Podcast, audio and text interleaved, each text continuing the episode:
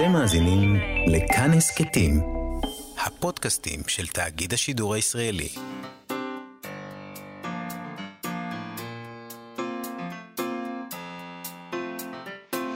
מה שכרוך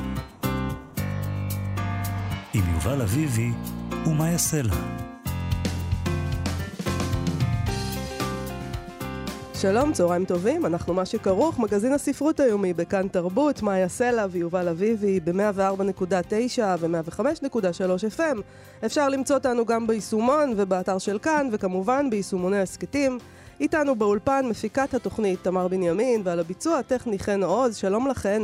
ושלום יובל אביבי. שלום מאיה סלע, בעוד כשבוע נורית זרחי תחגוג יום הולדת 80. כולנו נחגוג יום הולדת 80 לנורית זרחי, המשוררת, הסופרת, סופרת הילדים, המשאית ואהובת התוכנית. זה מעבר לידידת התוכנית לדעתי. נכון. כי זה... אמת אולי, לאמיתה. אולי בניגוד לרוב ידידי התוכנית שלנו, זה, זה הדדי. זאת אומרת, גם היא, היא יודעת שאנחנו רואים בידידת התוכנית, נגיד בניגוד לקנאוסגארד או אנשים כאלה. כן.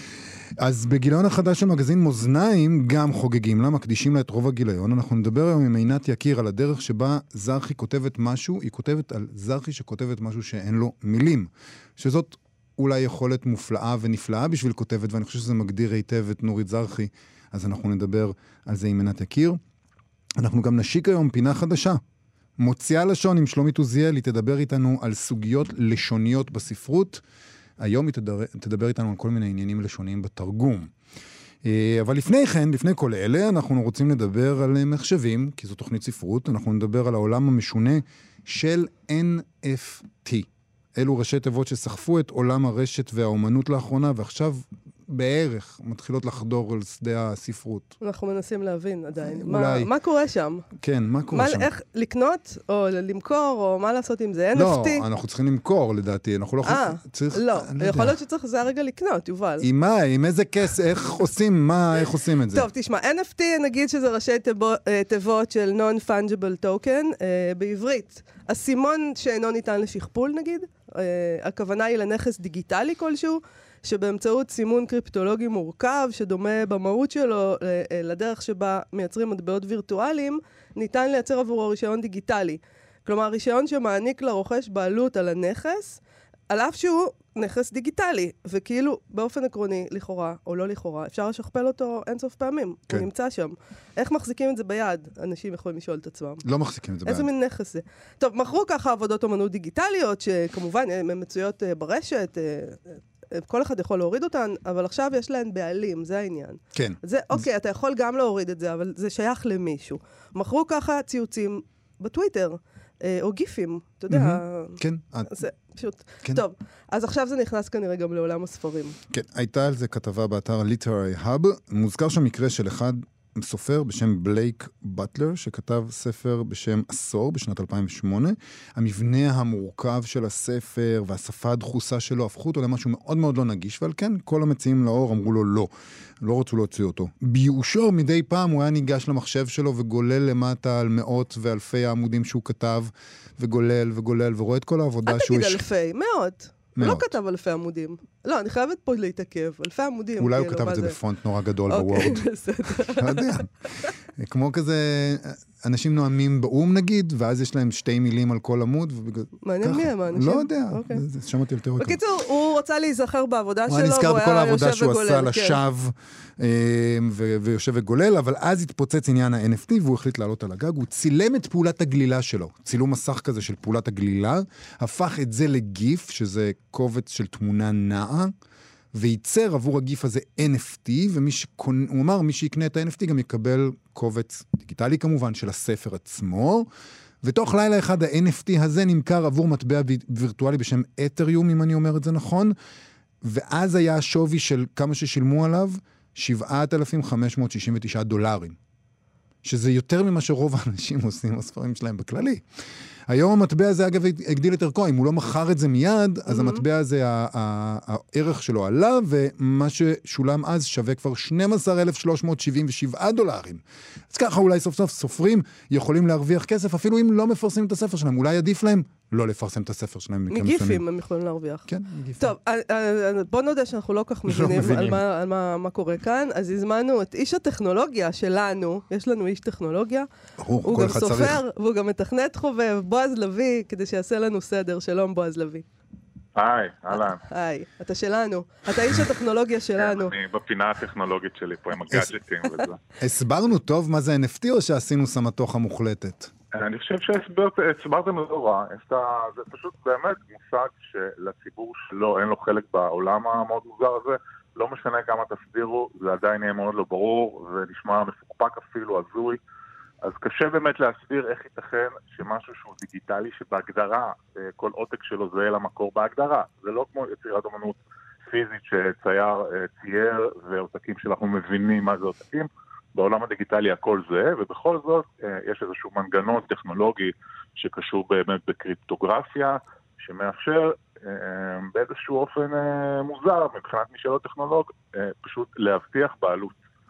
באופן חד משמעי, למי שייך הקובץ הזה. הקובץ יכול להיות כל דבר, יכול להיות אה, גיף, JPEG, ולמעשה יכול להיות גם קובץ וורד. זאת אומרת, אם אנחנו אה, מתחילים לחתור לכיוון שלשמו התכנסנו פה, אז אין שום הבדל. אפשר על, ה, מה שנקרא בלוקצ'יין של אותו מטבע שציינת, איתריום, שזה, שזה זה לא ביטקוין, זה משהו קצת שונה, שעליו אפשר אה, לממש את הבעלות הזאת על כל קובץ דיגיטלי מכל סוג שהוא.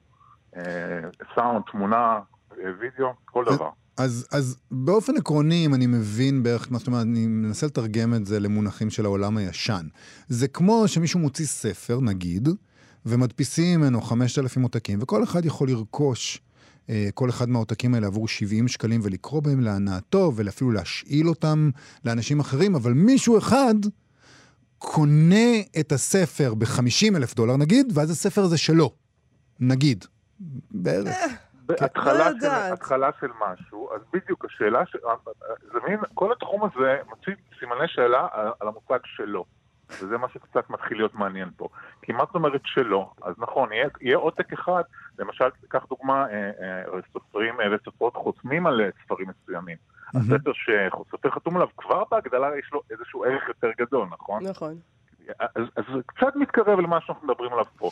יש עותק מסוים, שהעותק הזה באופן מיוחד מוגדר כעותק, אה, עותק, או הוא NFT בעצם. הדבר הזה מייצג איזשהו ערך. נכון שהוא זהה לכל ספר אחר, אבל נניח על העותק הזה יש את חתימת האומן. הוא מכר את העותק הזה במיוחד, אז הוא שווה יותר, ו- ו- ובאופן מוזר העותק הזה הופך להיות חד פעמי.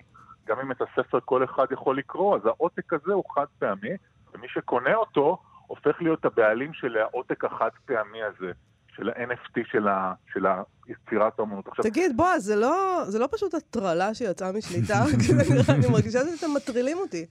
יש פה אספקט לחלוטין של הטרלה, כאילו, אני לא... אני, זה נכון, יש פה צעד שהוא כל כך uh, משונה, וכל כך uh, שובר ומטלטל את כל מה שאנחנו חושבים על uh, מה, זה, מה זה בעלות, מה זה ערך, אבל קודם כל, זה- נובע, ההתפתחות של ה-NFT, השוק הספציפי שאנחנו מדברים עליו פה, קשור קודם כל לאומנות ויזואלית, ששם זה קצת כן יותר ברור, טיפה יותר ברור. איך זה יותר ברור? אה, אומנים שמייצרים עבודות דיגיטליות לאורך כבר אי אלו שנים, אה, לא הצליחו אה, לקבל עליהם, בעיניהם כמובן, תמורה מספקת. זה ליצירות גיפים, כל מיני מי- מימס כאלה. והנה הגיע פה מין שוק חדש, שמאפשר לקהילה לשלם באופן ישיר לאומן שיצר איזשהו חתול מעופף כזה, ולתגמל אותו בעצם על הדבר הזה שהוא עשה. כן, כל כך אהבו את הדבר הזה, אז בואו נעבור הלאה. למה רק לייקים? למה רק שיתופים? למה לא באמת לשלם למי שעשה את הדבר הזה ושיהנה מזה שמיליונים בעולם משתפים את אותו חתול שעף? Mm, כן, אוקיי. זה, זה דרך אחרת להסתכל על זה כבר. זאת אומרת, אנחנו חיים בעולם שהתרגלנו, עולם טכנולוגי כזה, שיש של סושיאל וכלים אחרים, שהתרגלנו שהמון יצירות אה, אומנות ויזואליות וגם טקסטים, תכף נגיע לזה, הם, ניצר, הם לגמרי בחינם, הכל חינם, כל אחד אה, עושה, כל אחד נהנה, ואף, והיוצרים לא מקבלים איזה שום, שום תמורה. אפילו בפייסבוק וטוויטר אנחנו מזהים את זה. אנחנו, אומרת, אנחנו כן? מייצרים להם תוכן, זה, ואנחנו יודעים את זה. אנחנו, אבל- אנחנו נכון. המוצר בעצם. י- יפה, יפה. אז המערכת הזאת מנסה, או עושה בעצם בפועל שיבוש של העסק הזה. היא כן יוצרת איזושהי רשת מבוססת על מטבעות קריפטוגרפיים וטכנולוגיה וכן הלאה, אבל בשורה התחתונה שלה היא כן יוצרת מצב חדש, שבו אומנים יכולים להיות מתוגמלים על העבודות הדיגיטליות שלהם, שעד היום אף אחד לא שילם עליהם שום דבר. תשמע, אבל רגע, בוא, בוא נלך רגע אל בלייק באטלר הזה. הוא יצר יצירת אומנות כבירה, שאף אחד לא רוצה לקרוא אותה כי היא דחוסה ולא נגישה, אף בית הוצאה לא רוצה לגעת בזה, כי הם אומרים לעצמם, יקנו את זה שישה איש ואנחנו לא נכסה את זה. זה לא שהוא יצר איזה מים שכולנו משתמשים בו, ואז הוא יושב בבית ואוכל את הלב על זה שהוא היה יכול לעשות מיליונים. הוא יצר משהו שאף אחד לא רצה אותו, עד שהוא הפך אותו ל-NFT, שם קוד למשהו מגניב, ואז פתאום הוא הכניס לכיס 15 אה, אלף, כמה זה? 12 אלף אה, דולר, whatever. כן, בוא נגיד שהסיפור שלו ועוד כמה סיפורים כאלה בעצם עדיין לא מייצגים שום דבר. אין ממש ספרות uh, בעולם הזה של NFT. יש יותר דוגמאות, קצת יותר של שירה או טקסטים קצרים. זה כן, אתה כבר יכול יותר להבין איך, איך, איך שיר קצר יכול להופיע בתור, אה, בתור JPEG, כמו שמשותף גם ב social, בפייסבוק. אה, יש פרויקט גדול שכן היה צובר תאוצה שנקרא Lost Poets, של אחד מאומני ה-NFT הכי גדולים בתחום הזה, שנקרא, מישהו, מישהו מסתורי שנקרא פאק, וזה פרויקט של דימויים של משוררים מומצאים, שמשחק עם השירה שלהם באיזשהו אופן. אה, ספרות ממש, רומנים, אז הדוגמאות שאמרת עם בלייק באטלר ויש עוד כמה דוגמאות, זה באמת עוד קשה לראות איך זה מתחבר לעולם הזה. בכתבה, שבלייק... בכתבה של ליטר אריאב, למשל היה פרויקט נחמד בעיניי, אבל קצת קשה לי, לה... שוב, קצת קשה לי להבין למה צריך את ה-NFT פה, אבל, אבל פרויקט נחמד שבו אתה בטח תסביר את זה יותר טוב ממני, יש איזה פרויקט שבו בכל פעם צריך, מישהו צריך לקנות פרק, ואז הפרק הזה משוחרר אה, לציבור הרחב. ואז בעצם זה, זה מין גרסה מאוד אה, אה, מתוחכמת אה, של מימון המונים בעצם. אתה, מישהו אחד משלם כדי שהמוצר בסופו של דבר יופץ להמונים.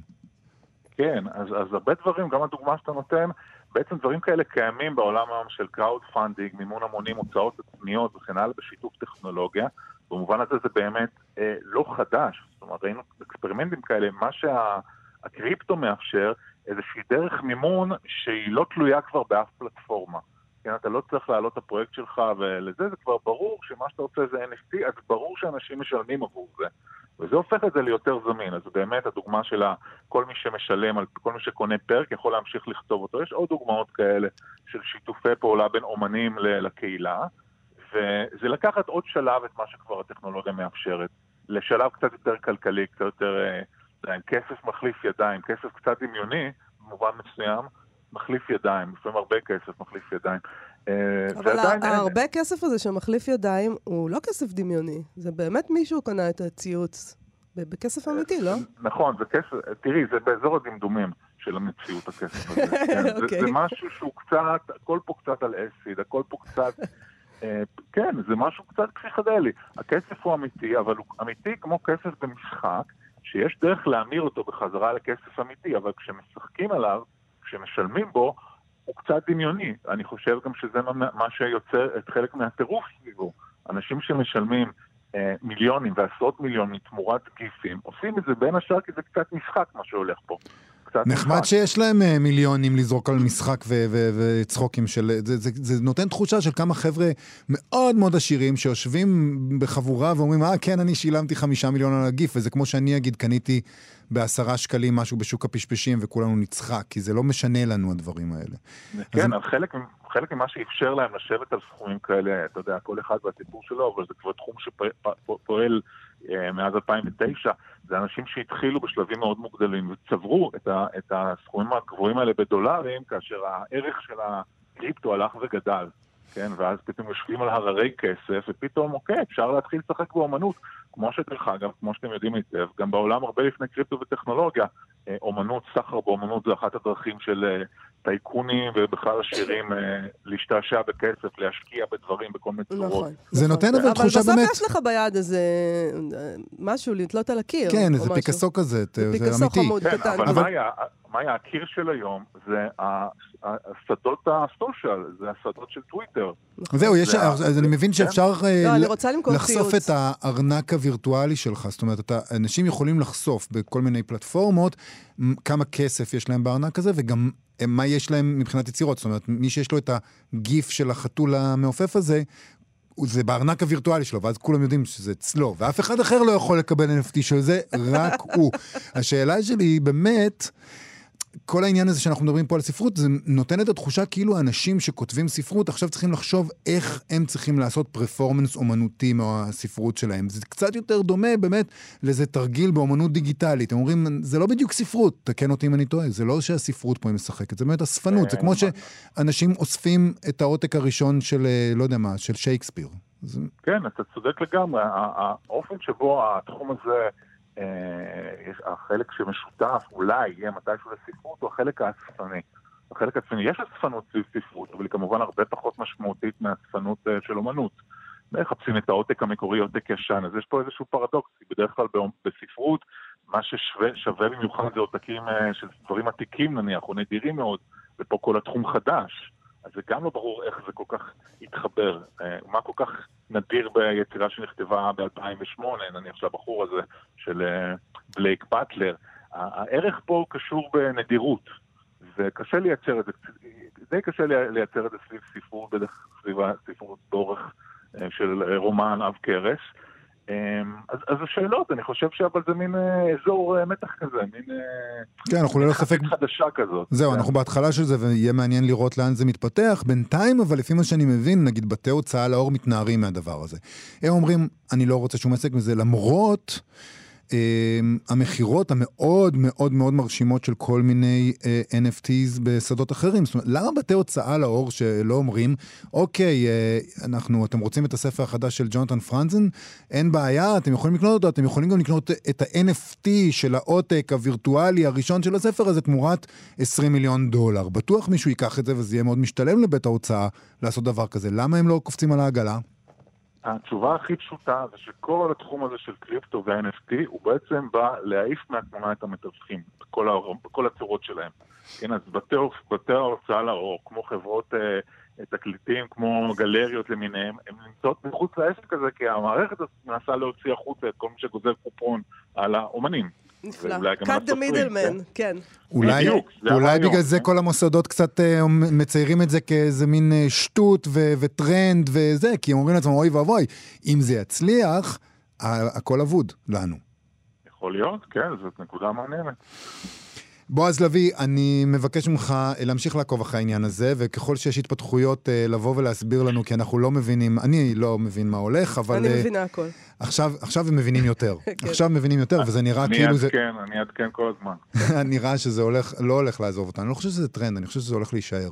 תודה רבה, בועז. בשמחה. להתראות.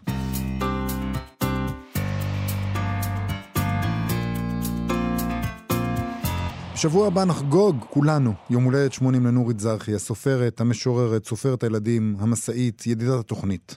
בגיליון החדש של מגזין מאזניים הזמינו כותבים כמו יערה שחורי, נועה מנהיים, עודד וולקשטיין, סיגל נאור פרלמן, ליממן ועוד רבים לכתוב עליה, על כתיבתה, על הדרך שבה היא השפיעה עליהם. לצידה כמובן, גם היא כותבת שם. הסופרת, העורכת והמתרגמת עינת יקיר, גם היא כותבת שם, קטע קצר מתוך מסע ארוכה יותר, שבה היא מדברת על המאפיינים הייחודיים של הכתיבה של זרחי והדרך שבה זה קורה גם בספרות הילדים שלה וגם בספרות למבוגרים שלה. ומתברר שזה קשור, אני חושב שזה קורה לכולם עם נורית זרחי, גם לחיבור שיש לעינת יקיר עצמה עם הכתיבה הזאת. שלום עינת יקיר. שלום, שלום. אז מהי התיאוריה הזאת, החריץ והשלם? אני מאוד אוהב את זה, החריץ והשלם, כן, יפה. שאת מדברת והשלם. עליה. אמ, לאורך כל השנים שבהן אני ככה מסתכלת על הכתיבה של נורית זרחי, אני רואה איזושהי פעולה כפולה, נגיד את זה ככה. אה, היא נכנסת לתוך מרחב קיים ופוערת שם משהו. ואז בעצם באמת נשאלת השאלה, מה, קודם כל לגבי המרחב המוכר שלנו, שמתחדש במבט שלה. ודבר שני, זה תמיד איזה משהו שהוא בין לבין, אה, והוא מתכתב עם, בכלל עם הפואטיקה שלה לדעתי, ועם העמדה שלה מכל בחינה. קח את זה אה, כאישה בתוך מרחב, קח את זה ככתיבה לילדים, אה, כתיבה למבוגרים, קח את זה בתנועה שבין שירה לפרוזה. אה, כלומר, אין שום קטגוריה אה, חד משמעית שהיא מוכפפת לה.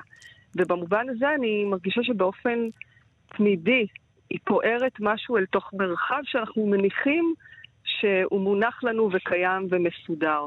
וזה השלם הזה, אה, וזה לכאורה. וזה גם קשור למה שאת אומרת, שבעצם היא, היא כותבת על משהו שאין לו מילים. זאת אומרת, בתוך השלם הזה, שנדמה לנו שהוא ברור ו, ומנוסח, היא אומרת, תסתכלו, אני פותחת פתח, אם אני מבין נכון מה את אומרת, תראו, יש פה משהו שלא, שלא טיפלתם בו עם השפה שלכם, אבל היא עושה את זה באמצעות שפה, זה נשמע כמו פרדוקס. זה נשמע כמו פרדוקס, ואני חושבת שהיא בכלל אה, מגלמת בשבילי את אה, אם כל הפרדוקסים. מישהי שמצד אחד אה, מגיעה מתוך המסורת הכי עמוקה, גם של התרבות, של הספרות העברית, של העברית בכלל, ומצד שני מישהי שבעת ובעונה אחת כל הזמן מתנערת מהמהלך הזה, ממש מנערת את זה מעליה, ולא במאמץ, וזה היופי, אלא בקלות, מתוך התפיסה באמת הייחודית של מי שהיא, שאין שום מחשבה, שום מחשבה שהיא בנאלית, שאין שום מחשבה שהנקודה שלה צפויה. וזה קשור ב, במשחק הזה. אבל מאחר והיא באה כן מתוך מסורת וכן מתוך התרבות, זה הופך ל, לעניין מרתק ביותר, מורכב. את יכולה לתת. לנו דוגמאות איך זה מתבטא בספרות לילדים ובספרות למבוגרים, כל הדבר הזה?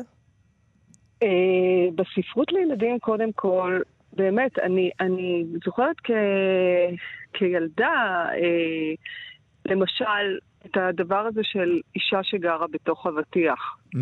נכון. בסדר? זה כל כך פשוט, אבל זה כל כך לא היה קיים באיזשהו אופן בצורה שאני זוכרת אותה. או ה- ה- ה- האהבה הגדולה שלי לאמבת ים, שזו אחת מיצירות הילדים שהיא כתבה שאני הכי אוהבת, שכן, יש שם אה, אה, בת ים ויש את מר יגידו, ש, שזה השם שלו, מר יגידו, כן? שמתחבר למה תגידו, או מה יגידו עליי כל הזמן. זאת אומרת, את, כל הזמן יש מפגש עם משהו שהוא לא מוכר, שלא, שלא ידעת עליו שנייה לפני כן. אה, ברוב ספרות הילדים שאני מכירה, זה כניסה אל עולם מוכר וניואנסים בתוכו, שבעיקר המטרה שלהם היא אה, דידקטית בצורה זו או אחרת, במסווה. אני לא מרגישה את זה אצל נורית זרחי, אני מרגישה שהיא באה לתת סתירות. מהרגע שאתה פוגש אותה היא פשוט סותרת לך כל הזמן, אבל בצורה כל כך כובשת, שאי אפשר שלא לעמוד ולכתוב את הסתירות האלה. עכשיו, זה, זה משהו שמעצב את המחשבה, זה משהו שמעצב את ה mind, זה משהו שלוקח אותך קדימה. ואותו דבר אני מרגישה גם בהחלט לגבי הפרוזה שלה, שיכולה, לצורך העניין, ה- ה- היצירות שאני בעיקר התייחסתי אליהן במסע, הן מתוך אה, ספר שנקרא נערות הפרובינציה העצובות והשאפתניות. יש שם איזה שיח אה, מופלא בין עולמות שהם לכאורה מוכרים, כמו קפקא, כמו כל מיני נסיכות, אל תוך עפולה, כן? אל תוך מקומות שהם כאילו כל כך אה, מקורקעים כאן. ואז יש תחושה באמת של אה, מה שאני קוראת רכיפה בגובה נמוך. אבל זו רכיפה. זו רכיפה שגם לא, לא הכרנו אותה לפני כן. אני לפחות לא הכרתי. את יכולה לספר על המסע הזאתי? זה הקטע הקצר בגיליון, סליחה, אני מבין שהוא חלק ממסע ארוכה יותר. נכון, אה, אני יכולה לספר שכשצייה אלון וליאח לחמן אה, פנו אליי, הזמינו אותי להשתתף אה, בספר שהן אה, עושות לכבוד נורית זרחי, אני ראיתי בזה באמת הזדמנות לאיזו סגירת מעגל מאוד פרטית שלי עם הכתיבה שלה, שבשלב הזה גם זכיתי להכיר אותה. ואני יכולה להגיד שהרגע הראשוני שלי עם נורית זרחי, שזכור לי יותר מכל, קשור באמת בשיר ילדים קצר מאוד ומופלא בעיניי, שהוא אה, בשבילי גם באיזשהו אופן, אה, אומנם רדוקטיבי, איזה DNA שלה, אבל גם שרטט לי איזו תחילה של דרך, אה, גם במובן של מחשבה, גם במובן של כתיבה, גם במובן של חיים. וזה אה, הופיע בתוך אה, ספר אה, שנקרא אה, חגיגה של שירים, שערך מנחם רגב, ומאוד ליווה אותי בילדות. והיה שם את הרגע הזה שבו אני פוגשת את דודה מרגלית, וזה ארבע שורות, אה, וזה אומר ככה, דודה מרגלית, נפלה אל השלולית, אל תצטערו עליה, נסתדר גם בלעדיה. זה, זה היה רגע. שקשה לי אפילו אה, באמת להביע במילים, כי אני חושבת שזה היה מאוד לא מילולי, אפרופו, אה, את רמת החופש העמוק, גם ככותב וגם כאדם, שהיא נתנה לי מהרגע ההוא, ומילא, ו- ואז, כן? ו- ומשם הלאה, כי גם כשאני פוגשת את אוטוביוגרפיה של דלת, או את בצל גבירתנו, את כל הפרוזה שלה, גם את השירה, אני פוגשת את זה שוב ושוב. עכשיו, בשבילי כילדה זה, זה היה רגע מאוד משמעותי, במובן הזה של להבין כמה כוח יש ביד וכמה אמת יש ביד, בעת ובעונה אחת. ו... והמסע הזה הוא ניסיון לעשות איזושהי סגירת מעגל עם הרגע המופלא ההוא של שיר הילדים הזה שסימן לי דרך שאני חושבת שבאמת אין, אה, אין לה מקבילה אה, בספרות. מבחינת גם התרומה שלה, מבחינת העושר, וגם uh, מבחינת התמה, ההתעסקות, הרמת ההתעניינות, מה, מה, מה מעסיק אותה, מה מעניין אותה, איך מעניין אותה. Uh, ולימים uh, באמת יצא לי לפגוש את נורית ולדבר איתה על, ה, על הרגע הזה. ואני סוגרת את המסע עם האופן שבו היא טיווחה לי בצורה מאוד אקונומית, כאימא צעירה, איך להפשיר שניצל.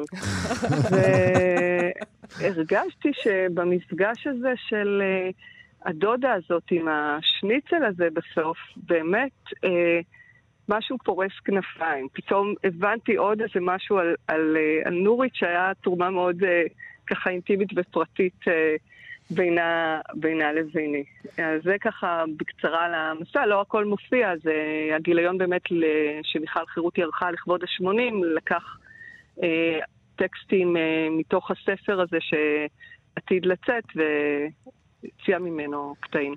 זה פשוט סיפור נהדר.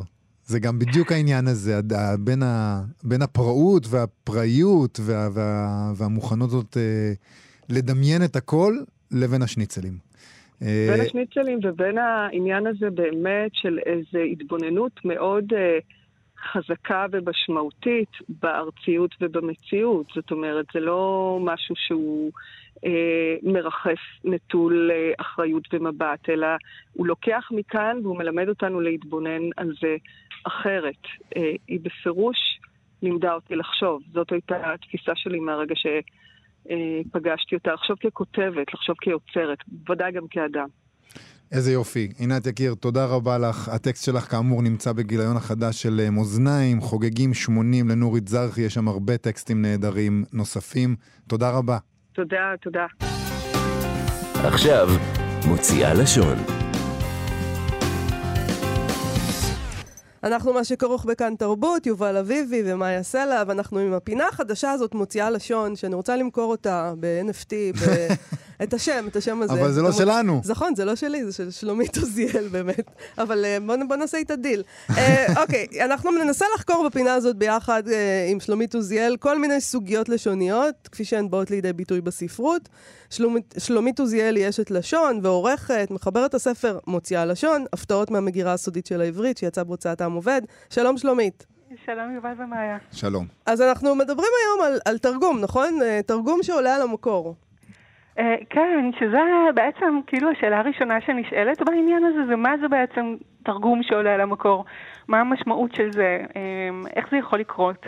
כי הנטייה שלנו לחשוב זה שאנחנו מצטטים את שם, את ה-Lost in Translation, משהו עובד, נשיקה דרך מטפחת, כל הדברים האלה, משהו חייב ללכת לאיבוד. נכון, והאמת שאני ממש עכשיו נתקלתי בציטוט מקסים שהוא אה, היה אה, פחות, פחות מוכר מביאליק והנשיקה מבעד למטפחת שלו. אה, ציטוט ממקצועות של אחרים של פרימו לוי בתרגום של יונתן פיין, שהוא מדבר על העניין הזה של אה, עבד בתרגום, והוא אומר אה, שמה שקורה בתרגום זה אובדן בלתי נמנע, כמו זה של אדם שהולך לחלפן כספים. ירידת הערך משתנה ממקרה למקרה בהתאם ליכולתו של המתרגם ולאופיו של המקור. זאת אומרת, באמת הוא אומר, כמו שאנחנו הולכים לצ'יינג', אנחנו מקבלים, בכל החלפת כספים אנחנו מקבלים פחות, כן? כן. כי זה... אנחנו משלמים עמלה לבית. עושים עלינו סיבוב קטן. כמעט בלתי לא, מורגש. מה זה סיבוב? כל אחד צריך להרוויח. נכון. כל אחד צריך להרוויח, אבל נכון. זה, זה נורא יפה, כי זה כמעט בלתי מורגש, ופחות או יותר קיבלת אותו דבר, אבל, אבל הפסדת משהו קטן. בדיוק. ועכשיו השאלה, אתם יודעים, מה אנחנו מפסידים uh, בתרגום? לעתים אנחנו יכולים uh, להפסיד, אתם יודעים, איזשהו עושר מילוני שיש לנו, נניח באנגלית יש עושר נורא גדול של מילים שקשורות לאופניו, ללבוש. סוגים של צווארונים, לפעמים... אה, אתם יודעים, זה אולי איזה עמימות מגדרית. למשל, נכון. באנגלית אנחנו יכולים להגיד שעמדה a group of nurses בבית החולים, ואנחנו לא מתחייבים אם, זה, אם מדובר בגברים או בנשים, ובעברית אנחנו די מחויבים לומר אחיות או אחים, או אפילו אחיות ואחים, אבל משהו אנחנו חייבים לומר פחות או יותר, אה, וכן הלאה. אז מקובל שמשהו, שמשהו הולך לאיבוד. אה, או אולי אתם יודעים איזה ניב שהוא ייחודי לאזור בשפת המקור, והוא כמובן לא קיים בשפת היעד וכן הלאה, אבל מה שמעניין זה שלפעמים אפשר גם להרוויח משהו, ובמקרה שלנו, בגלל אופי הפינה, אני התמקדתי ב... אה, בדוגמאות אה, נחמדות לדעתי שמצאתי, שבהן הרווח שלנו במעבר לעברית, והאמת מקרה אחד שהבאתי לנו בסוף, נזכיר אותו, מעבר אפשרי לאנגלית, שחלק מה-heavy lifting במקרה הזה הוא על, ה, הוא על עצם המעבר משפה לשפה, הוא עושה כאן חלק מהעבודה. זאת אומרת, לא רק הברקה של המתרגם או המתרגמת, אלא ממש עצם המעבר כמו קסם, כאילו יצר לנו איזשהו רווח. איזה יופי, בואו נשמע. מדוגמאות, כן. אז דוגמה נורא מפורסמת, אה, מתוך חוות החיות אה, של ג'ורג' אורוול, משפט באמת מאוד מאוד מפורסם מהמקור, All animals are equal, but some animals are more equal than others. אה, עכשיו, המשפט הזה הוא בעצם באנגלית הוא אבסורדי, כן? כן. כן אי אפשר להיות יותר equal ממישהו אחר, כן? Mm-hmm. אבל בעברית מה אנחנו אומרים בעצם? אה, נכון, שוות. כל החיות שוות, אבל יש חיות ששוות שוות יותר. שוות יותר, כן. עכשיו בעברית זה לא אבסורדי. אגב, אפשר, הדוגמה הזו לעומת אחרות, שתכף נגיע אליהן, אני חושבת, אה, פה אפשר להתווכח, כי אפשר להגיד, תשמעו, באנגלית זה אבסורדי, היה רצוי שזה יהיה אבסורדי גם. נכון, נכון, זה אמור להיות אבסורדי. אפשר אגב לנסות, אני לא הצלחתי להגיע לתוצאה ככה אלגנטית, אבל לדעתי גם אי אפשר להתעלם מזה שכאילו המעבר לעברית יצר פה איזושהי תוספת ערך כמעט מעצמו, כי בעברית המילה... אה, שווה או שווה, היא, אה, גם יש לה משמעות של שווה זה לזה, וגם של וורס, שזה בעצם נובע ערך. מכמה כמה כסף הדבר הזה, mm-hmm. לאיזה סכום של כסף הדבר הזה שווה. אז בעצם, עצם המעבר לעברית יצר פה משפט שהוא גם הגיוני, וגם יש בו טוויסט מאוד ציני. כולם שווים, אבל יש כאלה ששווים יותר. זה יפה, לא, אנחנו, זה נכון, אנחנו מפסידים קצת את האבסורד, אבל אנחנו מרוויחים איזה מין משחק אה, שאין באנגלית, אין נכון. ספק. אה, איזה כן. עוד דוגמאות יש? אז דוגמה מאוד יפה, אה, קיבלתי באדיבות של רמי שלהבת, עורך מגזין המדע בדיוני בלי פאניקה, שפרסם בזמנו סיפור מדע בדיוני הומוריסטי של הסופר צ'ארלס קולמן פינלי, בתרגום של ענבר גרינשטיין. עכשיו הסיפור מתחיל בזה, סליחה עם כולם וכולן, שהגיבור מחליט לעבור השתלה של עין בישבן. והוא מבין שזה לא היה צעד נבון. זה, זה ההתחלה של הסיפור, אחרת זה הסיפור ממשיך ללכת למקומות אחרים, אבל זו ההתחלה שלו, והסיפור עוסק בנקמה. ושם הסיפור במקור הוא an eye for an eye. אוקיי. את כבר מדמיינת, את כבר מדמיינת מה הולך לקרות, מאיה. איך נקרא בעברית? אז בעברית הוא נקרא עין תחת עין, שזה כמובן ביטוי מהתנ"ך, נכון? כן. אה, עין תחת עין, שם תחת שמש, ויוצא לנו, בקיצור, הרווחנו פה, אתם רואים מה. עכשיו, אה, רמי היה גם בקשר עם הסופר, והוא אמר לו, למה... אה, הוא הסביר לו איך זה, איך זה בעברית? כן, כן, okay. כאילו הוא אוקיי. אמר לו שהעיניים for an עין שלו הפך לעין תחת עין בעברית, ומה בדיוק המשמעויות של המילה תחת בעברית, ובאמת הסופר היה נורא מאושר מזה. הוא עכשיו מסתובב בעולם ומספר לאנשים, אתם יודעים מה קרה בתרגום לעברית של הסיפור שלי? הסיפור השתפר, כן. מדהים. באמת קיבלנו שדרוג. אמ, יש עוד דוגמה כזאת? אני חושב שתהיה אה, קשה להתעלות מעל הדבר הזה. אז זהו, האמת שזו דוגמה ממש, אה, ממש אה, מצטיינת, ודוגמה קצת יותר פיוטית, אמ, אבל היא מסוג אחר ומאוד יפה, אני חושבת, שקיבלתי ממרית בן ישראל, עכשיו מרית גץ. אמ, שתרגמה את, ה, את הסיפור עץ השיער, עץ השיער, The Hair Tree של מרי דה מורן, סופרת מהמאה ה-19, כתבה באנגלית. התרגום של הסיפור הזה עדיין אה, לא ראה אור אגב, אפשר לראות אותו באתר של העיר או אושר. והדמות שבלב הסיפור היא מלכה שנשר, רשע במקור איגל, גורם לה לאבד את השיער היפהפה שלה, וגיבור יוצא לחפש את עץ השיער, שיש לו זרעים שיעזרו למלכה לקבל את השיער שלה בחזרה. עכשיו, אה, במקור, אם כך, מדובר על, על איגל, כן? שיש אה, עניין שלם, או אם הוא בעברית עית או נשר. כן. אגב, אה, נכון. בעניין הזה, אגב, מי, ש, מי, ש, מי שרוצה ורוצה, מופיע ב, ב, בספרי שהוזכר קודם, במוציאה לשון, בהוצאת המופת, יש דיון, כאילו, מי שרוצה לה- להבין, אבל, אבל התרגום התקני לאיגל זה, זה, זה עית, כן? אבל אה, כמו שאומרים, אה, אתם יודעים, מסיפור תוכנית החלל האמריקאי, זה איגל is landed, אז מה אומרים בעברית? הנשר הנשר נחת. הנשר נחת, באמת, ב... כן. זהו, כן. אז, אז כאילו בשימוש הפופולרי אה, בהחלט אה, נמצא גם נשר, וכאן אה, מרית בחרה, לדעתי מאוד בחוכמה, אה, לתרגם את זה כנשר, כי השיער של המלכה נושר, כן?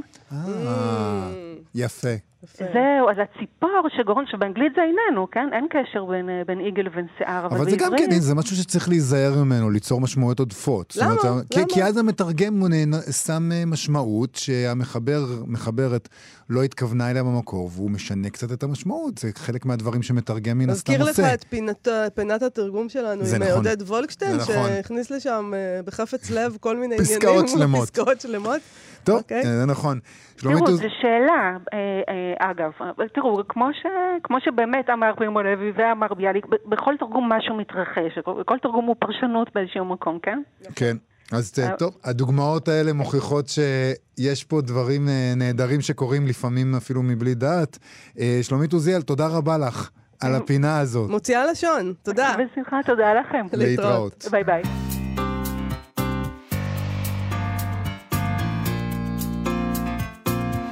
ויש לנו קצת חדשות מהעולם. אני לא יודעת אם אלה חדשות כל כך משמחות, יובל. אה, פשוט, אה, אבל אנחנו ח- מרגישים שאנחנו חייבים אה, לדבר על זה. אי אפשר להתעלם מדבר הזה. אוקיי, בניו יורק טיימס מדווחים על חנות ספרים חדשה במנהטן, שמתמקדת בספרים שיש בהם בעלי חיים. כן. לא על בעלי חיים בהכרח, גם. כל דבר. טוב, אה, יכול להיות שזו תגובה לקורונה. אתה יודע, יש כל מיני תופעות לוואי לעניין הזה של הקורונה, אבל התשוקה שלנו לחזור אל הטבע. בעלת החנות, בעלת השם היפה, קליו לטן, אומרת uh, שם uh, בכתבה בניו יורק טיימס, שכל הדמויות האהובות עליה בספרים הן של בעלי חיים. ולכן היא פתחה חנות שבה יש רק ספרים שיש בהם בעלי חיים. לה עצמה אין חיית מחמד. היא אמנם גדלה עם חיות מחמד, אבל עדיין אין לה חיית מחמד. אולי יהיה לה של בעתיד. ממש. אולי יהיה לה אולי היא בעתיד. אלרגית פשוט. החנות הזאת נקראת, אה, איך זה נקרא? Pillow Cat Books? כן. ספרי חתול הכרית. מסבירים, אוקיי, אפשר מס- ככה. מסבירים שם, נותנים שם הסבר ש- שזה בעצם חתול שנראה כמו כרית, אם הבנתי, נכון? וככה גם נראה הלוגו של החנות. הלוגו של החנות כמובן הודפס על חולצות, כובעים, מחזיקי מפתחות. הוא גם כנראה יככב בסדרת ספרים שהיא כתבה, בעלת החנות. כמובן. ואחותה תאייר, היא גם את עשתה גם את הלוגו. וכל העניין הזה הוא חגיגה גדולה של אהבת עוד ספרים מעט ובעלי אנחנו חיים. ננסה להבין למה, למה הרגשנו צורך לדבר על זה. אה, נספר קודם שהיא מספרת שאנשים בטוחים שזו חנות לספרי ילדים, והיא צריכה להסביר להם שלא. זה לא מדובר בחנות של ספרי ילדים, מדובר בחנות שיש... של ספרים שיש בהם חיות. כן. יש גם ספרי ילדים כמובן, ויש אה, ספרי צילום של חיות, אבל לא כל הספרים האלה שיש שם מתאימים לילדים. הקו המנחה היחיד הוא שזה ספרים שיש בהם בעלי חיים, שזה יכול להיות שזה רוב הספרים, אם תעבור אני. מתקשה לחשוב תמיד על- יש שם איזה, כן. חתול, איזה כלב, איזה, יש איזה עכבר עובר ברקע, משהו. אה, אה, לא יודע, נחש, אה, עכברוש, כל דבר. מה היא רוצה? אנחנו פשוט מנסים לדבר על הדור הזה. כן. זאת שיחה על דור. טוב, אז אני רק רוצה, לפני שאנחנו, לפני שאנחנו מדברים על הדור, אז יש שם את הרוח בערבי הנחל, לצד ספר עיוני למיטב הבנתי, על אה, פרנק סינטרה והרט פק. רט פק. כי חולדה. אה, זה מספיק ש... זהו, כן. זה מספיק. אה, אה, אה, אוקיי, אוקיי. ויש שם את הברדלה של המפדוזה, ו- והספרים מסודרים לפי מיני בעלי החיים. אז יש שם מדף של כלבים, מדף של חתולים. אז כלבים זוכים כמובן לנדלן משמעותי ביותר על המדפים, 101 כלבים דלמטים לצד לב של כלב של בולגקוב. ויש גם מדפים לחיות נכחדות, כמו דינוזאורים, וגם אה, חיות מומצאות, כמו דרקונים. מה, אין באמת דרקונים? אני לא חושב, תשמע. לא, יש את ה- בגלפגוס, לא יודע, נכון? יש שם עדיין. יובל, זה לא נשמע כמו פשוט דור של ניג'סים בעצם? תראי, הביטי. אני, התגובה שלי היא נורא צינית לעניין. אני אומר, מה, אתם פשוט פותחים חנות עכשיו על כל דבר. כל דבר שאתם רוצים, באמת, בכל ספר יש בעל חיים. אין בעיה, נפתח חנות ספרים. ובמובן הזה אולי וזה- היא גאונה. תראה, נכון. זה הגיע לניו יורק טיימס, זה הגיע למה שקראו. זה הוויץ שלה, נכון? נכון, אני יח"צ. אמכור רק ספרים עם כריכה אדומה. בסדר, אז יוציאו את כל הספרים עכשיו עם כריכה אדומה, וזה יפתור את הבעיה. אבל מצד שני, אני אומר לעצמי, מה אכפת לך? מה אכפת לך? למה כואב לך כל כך? למה כואב לך? שתפתח חנות, אנשים יבואו, ישמחו שיש שם בעלי חיים, יקנו ספרים, בעלי חיים וספרים. כאילו, זה דברים שאנחנו תומכים בהם, נכון? אנחנו אוהבים בעלי חיים, אנחנו... אני לא מוכנה להגיד שזה דברים שאני תומכת בהם, אני לא, ממש מצטערת. יש לא. גבול. אני לא מוכנה להביע את התמיכה הגורפת שלי. תלוי בבעל החיים, יש כאלה שפחות, יש כאלה שיותר. אני אגיד לך, את הדמות ההיפית שלך אני פחות מחבבת. מה אכפת לי מה שתפתח? כואב לי? למה הכל כואב לי? למה אני ציניקן? למה אני לא יכול לעלות על רכבת השמחה, על רכבת בעלי החיים, על רכבת חדי הקרן, שבוודאי יש להם מדף נפרד משלהם בחנות אה, הזאת? בטוח. אין סיכוי שלא. אמ, לא, זה באמת, כמו שאמרת, עניין של דור. זה דור שעושה דברים... הנה מה הבעיה שלי. או, זה דור שעושה דברים כאילו הם מגיעים מתשוקה, כשמה שמניע אותם זה יח"צ. זאת הבעיה, זה מה שאת אמרת. היא קיבלה היר, כתבה... היר, אהבתי את זה, יובל. כאילו אתה אומר, מה אכפת לי? כי זה נראה כאילו כיוונה מראש לכתבה בניו יורק טיימס, ולא באמת אהבת הכלבים. אין לה. אין חיות מחמד אין לה. חיות מחמד. איך אפשר לעכל את זה פשוט? חתול שנראה כמו כרית, ואם כבר. טוב, בוא נסיים. זה הולך ומידרדר. תודה רבה למפיקת התוכנית שלנו, תמר בנימין, ולחן עוז, שעל הביצוע הטכני. נשמח אם תבואו לבקר בעמוד הפייסבוק שלנו ושל אה, כאן תרבות. אנחנו נהיה פה שוב מחר בשעה 12. להתראות. להתראות. אתם מאזינים לכאן הסכתים, הפודקאסטים של תאגיד השידור הישראלי.